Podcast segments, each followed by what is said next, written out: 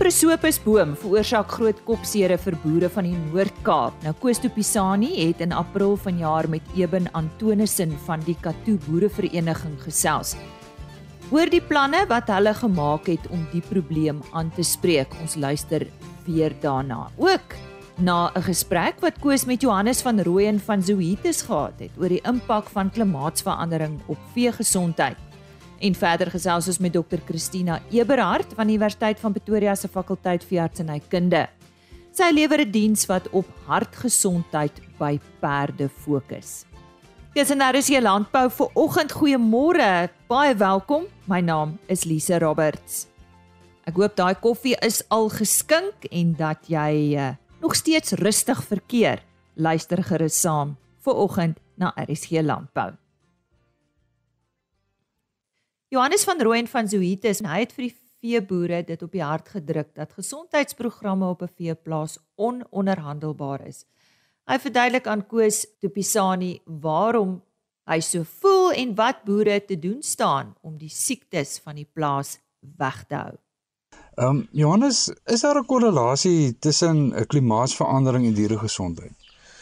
Ja, ek dink daar is 'n korrelasie. Ehm um, wat ons sien is uh as jy dit raak meer droogtes, daar's meer uh daar's natter tye.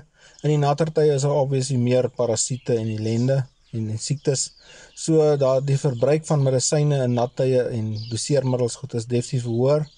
In die droogte tyd sit weer andersom, dan ehm um, gebruik jy baie minder uh medisyne want die probleem is kos, is nie is nie siekte nie. En die ouens spaar maar op op die medisyne in, 'n droogte situasie jy verwys na die droogte tye en die nat tye. Is dit regtig koste-effektief om om voorkomend op te tree of is dit beter om te wag uh, tot die siekte begin uitbreek en dan uh, op te tree?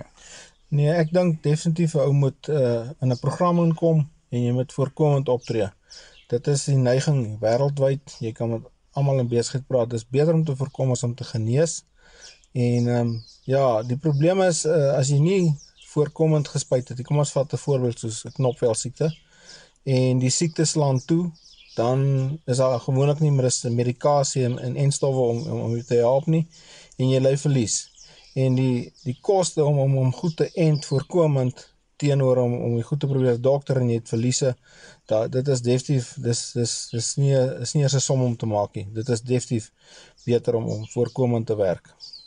Hier in Noord-Kaap het ons 'n uh, lang droogte tye en dan skielik 'n jaar of 2 of 3 wat dit uh, goed reën. Behoort jou gesondheidsprogram altyd dieselfde te wees of uh, moet jy hom elke jaar aanpas by die verwagte uh, klimaats uh, temperature wat ons gaan hê?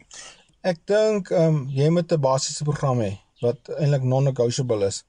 Jy moet um, jou diere teen ek kom ons praat oor bees. Jy moet hulle lamsiek en milsiek spuit en jy moet sponsiek te spuit. So dit is dit is 'n is is non-negotiable. En ek dink ou moet vandag, ek dink ons geslagsiektes raak ook 'n groot probleem. Uh die vibriose en trigonomas en BM raak groot probleme en ek dink dit is 'n standaard wat jy in jou in jou standaardprogram moet inbou.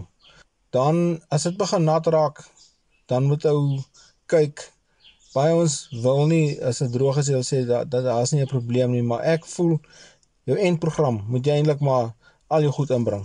Want die as die reën kom, kom dit vinnig en by die tyd as jy agterkom, jy het moeilikheid, dan ehm, dan is daar nie enstowwe en goed beskikbaar nie. So ek glo ou moet 'n volledige enprogram hê. Die ander goeters uh obviously in 'n naadjaar gaan daar meer borsluise wees en en en interne parasiete. Dit moet jy dan bestuur na soos soos die ehm um, soos die probleem opduik. Maar ek dink ou jou, jou voorkomende goed wat jy kan doen, jou enstowwe en daai goeters wat ook meer gevaarlik is wat jou goed doodmaak. Uh 'n dier gaan nie sommer doodgaan van van 'n borsluis nie behalwe as hy nog galsie kry. Maar dit is minder, maar as hy as 'n sponsiek toeslaan dan verloor jy sommer maklik 20, 30 bees in in 'n oogwink. So ja, ek dink dit is maar die manier hoe ons moet bestuur. Die weervoorspellers verwag dat ons in die komende jaar weer 'n goeie nat reënjaar gaan hê. Um, wat is jou raad aan boere, uh, beesboere dan, uh vir die komende jaar? Ek dink ons kan klaar sien dat daar's bietjie vog die reën baie makliker as gewoonlik. Ek voel ou moet nou vroeg in die seisoen veral basisbeheer toepas, laat hy nie daai uh, sneeubal effek hê nie. en doen jou entings. Doen jou entings vir jou vir jou knopvel en in 3 dae stywe siekte, jou uh, insekoordraagbare siektes. En en ja, dit en en jou normale goedes, jou lamspons spons siekte en miltsiekte. Doen jou goeters en en en wees beraad bedag op dat dit 'n natjaar gaan wees. So jy moet 'n bietjie weier kyk vir jou parasiete, vir jou jou interne en jou eksterne parasiete en hulle bietjie beter bestuur. Koos de Pisani wat gesels het met Johannes van Rooyen van Zoetis. As jy nou eers ingeskakel het, goeiemôre. Jy luister na RSG Landbou. Baie welkom.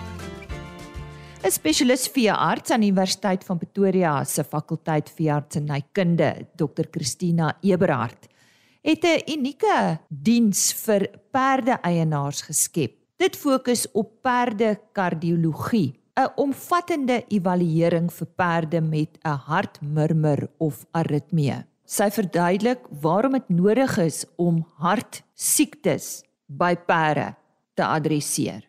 So let's look at the horse from a perspective of being an, an amazing athlete. Mm. They combine endurance in power and they are our partners in equestrian sports. So, for example, a thoroughbred will race at 60 to 70 kilometers an hour.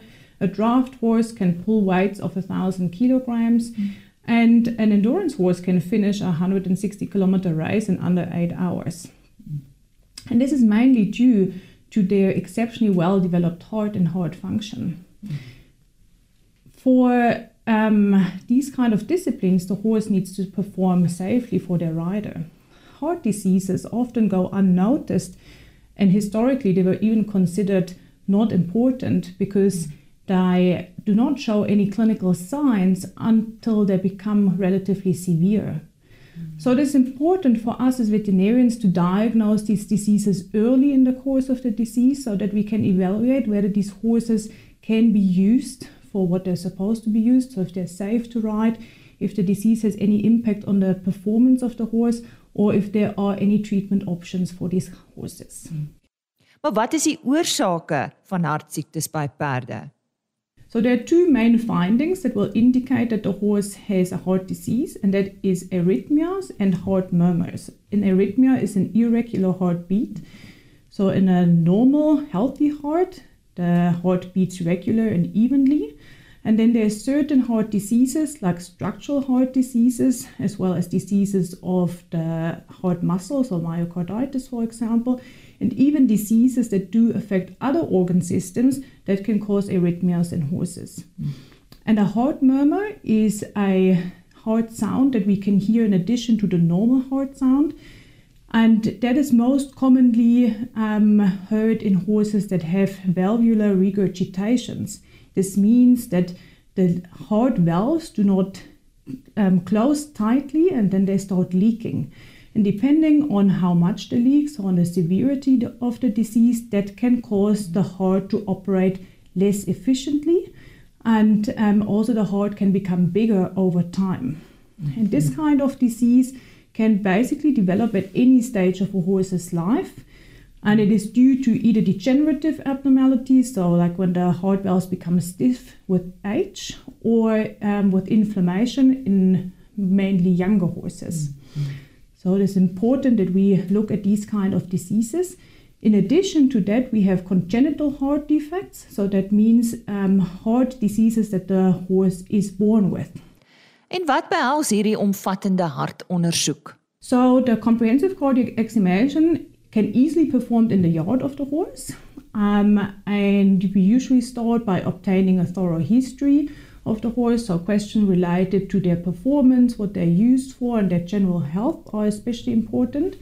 I will then perform a physical examination with a special focus on the cardiovascular system.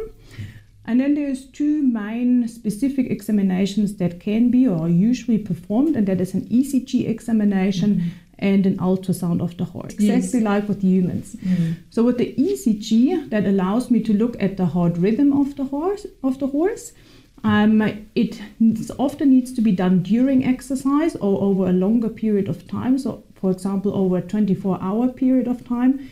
And for this, we use like telemetric ECG devices. So that's a small device um, of the size of a smartphone that can be attached to the saddle of the horse.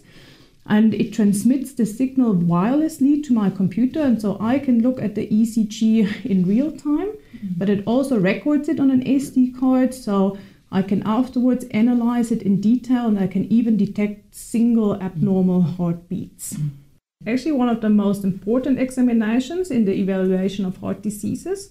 So, with the ultrasound, we look at the heart from certain angles and we can diagnose the specific heart disease. It's especially um, important in horses with heart murmurs. For example, what we talked about before, um, horses that have like these abnormalities of the valves. Mm-hmm. So, we look and measure the heart and look at the heart. We measure the heart, we measure the size of the heart, we look at the valves, we look at the um, heart muscle, we look at the function of the heart, and that will allow me to make a specific diagnosis.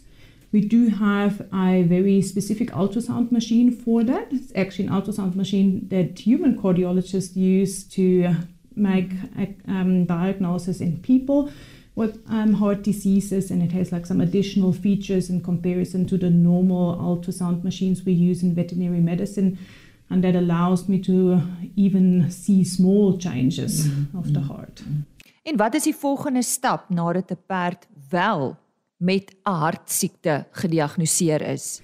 So once we made our specific diagnosis, obviously we will have to see if there is a treatment option. in a lot of heart diseases, unfortunately, we do not have treatment options.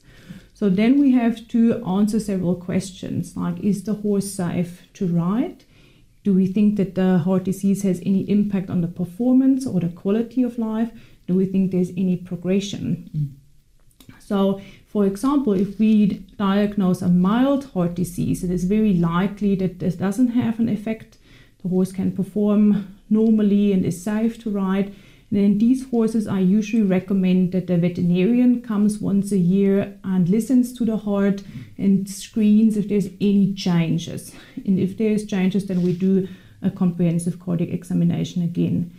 If we diagnose diseases that's more moderate to severe and grading, then um, we need to monitor these horses very closely for progression. So then I usually recommend that once a year we perform this complete examination. Um, and it is possible that depending on the severity and the progression that I then recommend that the horse can only be ridden at a lower level right. or that it cannot be ridden at all because there's a safety concern or it cannot be ridden by children, for example, or used as a lesson horse because of safety concerns. Mm-hmm. Luckily, we do have treatment options for arrhythmias. Um, that depends on the type of the arrhythmia and the underlying disease. So, for example, one of the most um, common arrhythmias in horses is atrial fibrillation, that also causes poor performance in horses. And we can treat this disease with either antiarrhythmic drugs or we can use um, a minimally invasive procedure called transvenous electrical cardioversion. And we can even do pacemaker implants. Sy gee raad aan perde eienaars oor hoe om jou perd se hart gesond te hou. So, it is not like in humans where the diet plays a massive, massive role um, in the development of heart diseases. So, horses do not have high cholesterol or hypertension. So, there's no specific measure that uh, owner can take to prevent a heart disease. But owners can help to detect these diseases early. Mm-hmm. So they should have a yearly veterinary examination performed where the veterinarian listens to the heart on both sides of the horse as well to screen for any abnormalities. And if there's any concern in regards to the performance of the horse, so if the, the horse is not performing well or it um, has prolonged recovery after exercise, or um, it is fatigued easily and it has shortness of breath, then these horses might have heart diseases and then they should also be examined early in the disease. En so sê Dr Christina Eberhard, sy is 'n spesialis by die Universiteit van Pretoria se veterinêre fakulteit en sy het gesels oor 'n kardiologie diens wat sy vir perde ontwikkel het.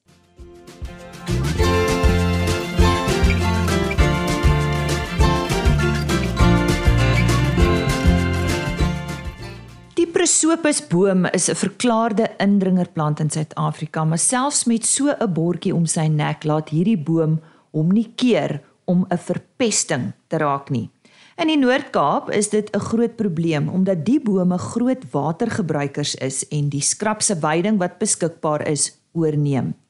Lede van georganiseerde landbou in die Katoo omgewing het egter 'n plan om van die verleentheid 'n geleentheid te maak. En Koos de Pisani gesels met Eben Antonissen wat die plan laat realiseer oor die projek. In groot dele van die Noord-Kaap is die prosopusbome of die Suidwesdoring, uh, soos dit algemeen bekend staan, 'n groot probleem. Die bome is aanvanklik ingevoer as 'n voerboom en 'n skaduweeboom en ook vir braaihout, maar dit het so vinnig versprei dat die bome vandag eintlik 'n indringerplant begin word het en dit die plek van veiding oorgeneem. Maar 'n boer maak mos altyd 'n plan en ek gesels vandag met Eben Antonissen van Katoo oor 'n moontlike plan om die prosopus op groot skaal uit te haal en veiding te herstel. Eben, ehm um, hoe groot is die prosopus probleem werklik? Die pele van van die prosopusse is van so 'n aard dat sodra dit deur 'n uh, herkouer se se rumen gaan en se maag gaan, dan versprei dit net al hoe meer. En hoewel die regering klomp jaar terug met die prosopusse se se intensie was dat die pele gebruik kan word as 'n voer, het dit bygedra laat hierdie prosopusse in jou droë rivierloope kom vestig. Sodoende het hierdie indringer plantspesie dan nou ook die natuurlike veiding um oorgeneem en onder geweldige druk geplaas. Dit sit dan ook hierdie semi-woestynagtige dele van die Noord-Kaap onder geweldige druk en die akwifere is onder druk en dit dra by tot moontlike droogte omstandighede. Die groot gedeeltes van die Noord-Kaap met die droë rivierloope is deurtrek van van suidwesbome en prosopusse wat ook daartoe lei dat jou oppervlakwater na na reënval laat jou oppervlakwater nie in die groot riviere kan kom nie. So die hele dreineringsnetwerk na jou groot riviere toe is is onder druk ook. Op die einde van die dag kan 'n mens dan hierdie produk aanwend juis vir wat die regering dit daai tyd bedoel het as 'n braaihout en as 'n voer, maar nie so seer die pele nie, maar meer die biomassa wat bestaan uit die takke en die blare uit. Ewen, julle het uh, van Agri Noord-Kaap se kant, het julle 'n plan wat julle op die tafel wil sit. Nou, wat behels hierdie plan om die probleem op te los? Die probleem wat voorkom is dat die departement van omgewingsake het die werk vir waterspanne wat hulle dan nou aanwend. En ons weet dat met die geweldige druk en begrotings tekortkominge wat daar is, laat so 'n projek nie volhoubaar in stand gehou kan word nie. So wat ons van georganiseerde landbou poog is om befondsing in die hande te kry van die privaat sektor af om sodoende dan op groot skaal die droë rivierloope te ontbos. Sodoende word die die volume en hoeveelhede bome en bosse in in natuurlike weidings en op kommersiële plase word dan so afgebring totdat daar 'n mate is waar die werk vir waterspanne 'n merkwaardige impak kan hê. So ook word die ruimte dan geskep vir die tersiêre instansies om dan saam met die sentrum vir biologiese beheer goggas te gebruik om dan die verdere verspreiding van die pele en die bestaande uh, bosse in in stand en in toom te hou sodat daar nie verdere verspreiding kan plaasvind nie. Hoe gaan julle dit implementeer? Die groot idee wat ons op hierdie stadium het is dat omrede kommersiële gronde en veeplase as sulks onder hierdie geweldige druk is, wil ons dit graag op grondvlak implementeer. So dit kom terug na die boereverenigings toe waar die boerevereniging die befondsing bestuur en dan sodoende ook die onderhoud van die toerusting bestuur. Die arbeidsbemagtigingsmaatskappye word dan word dan ingetrek en wat dan sodoende ook die werk verrig. Befondsing kom ekstern uit sodat ons net die die insetkoste kan delg vir ten minste 'n jaar want op hierdie stadium vermoed ons dan na dat na 12 maande behoort so 'n proses selfonderhoudend te wees. So die bemagtigingsmaatskappy wat die werk doen, genereer die kapitaal uit die uit die uh, biomassa uit en die vuurmaak hout uit wat omgeskakel kan word in charcoal wat dan op die op die mark verkoop kan word en die boereverenigings bekom dan sodoende die res van die biomassa wat 'n brandgevaar is as se mense dan ook nou in die veld los wat dan omgeskakel kan word in voer en wat dan deur boereverenigings versprei kan word oor in deur die Noord-Kaap in die droogte getuisterde gebiede.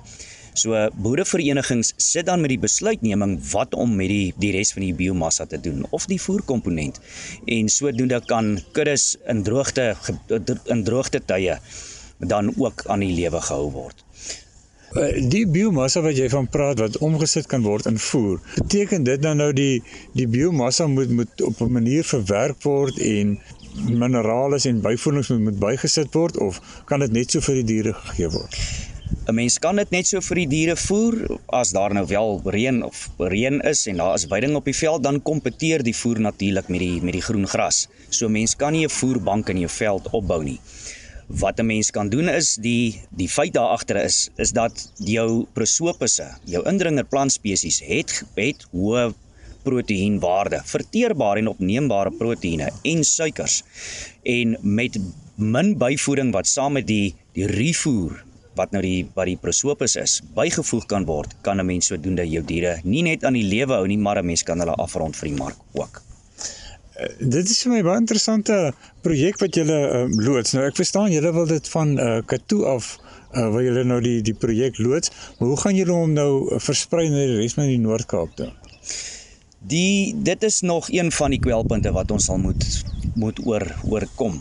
En die idee daar agter is wanneer 'n mens in die mynbougebiede fokus waar uh, baie van die mynhuise plase besit wat leeg lê, daar is geen veiding of veld veldbestuur van toepassing nie, is om van hulle befondsing gebruik te maak. Sodoende vind almal by so 'n proses baat, nie net landbou en in die in die hele distrik nie, maar dit word gelokaliseer en die spin-offs is baie groter. Die myne kan dan nou ook sodoende baat vind by hulle rehabilitasieprogramme en dan ook dit by die by die mining charter kan hulle kan hulle um, baat vind. Sodoende kan ons die groeipyne en die tekortkominge in hierdie geweldige projek kan ons dan uh, uitstryk en dan kan ons dit baie mooi vaartbelyn maak en sodoende kan dit verder uitbeweeg na na ander uh, boereverenigings of boereunies toe en distrikte toe. Die Noord-Kaap is in elk geval word in elk geval gekenmerk as mineraalryk so dan fokus ons primêr op die kern van die van die mynbougebiede om dit dan nou uit te brei verder na die Namakwa-land en Boesmanland toe. Wanneer die die wiel uitgevind is en alles is is mooi op spoed en op dreef, dan kan ons dan nou verder die ander boereverenigings ook so doen adviseer. So in die proses ehm um, word daar dan ook baie meer werk geskep klink dit vir my. Dit is die idee, sodoende skep georganiseerde landbou dan nou ook die platform waar die owerhede met hulle tekortkominge meer ruimte gelaat word om 'n sukses op die hele projek te kan hê.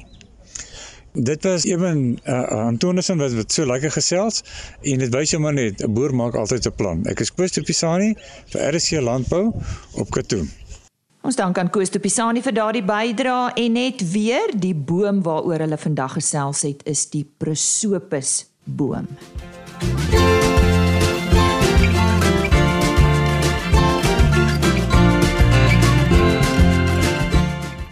Dis dan vir oggend se program. In môreoggend se RSG Landbou luister ons onder meer na die onderhoud wat ek ook vroeër gehad het met Marise Lombard van Universiteit van die Vrystaat oor die keuse van 'n besigheidsstruktuur vir 'n boerdery besigheid.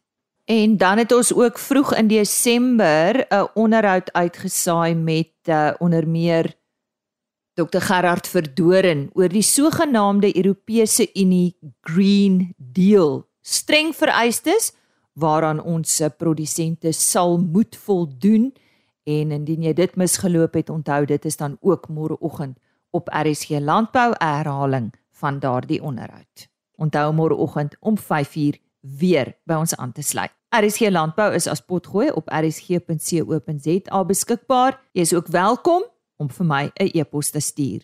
Gebruik net die volgende e-posadres: rsglandbou@plaasmedia.co.za. Ek herhaal: rsglandbou@plaasmedia.co.za. Totsiens. RSG Landbou is 'n plaasmedia produksie met regisseur en aanbieder Lize Roberts en tegniese ondersteuning deur Jolande Rooi.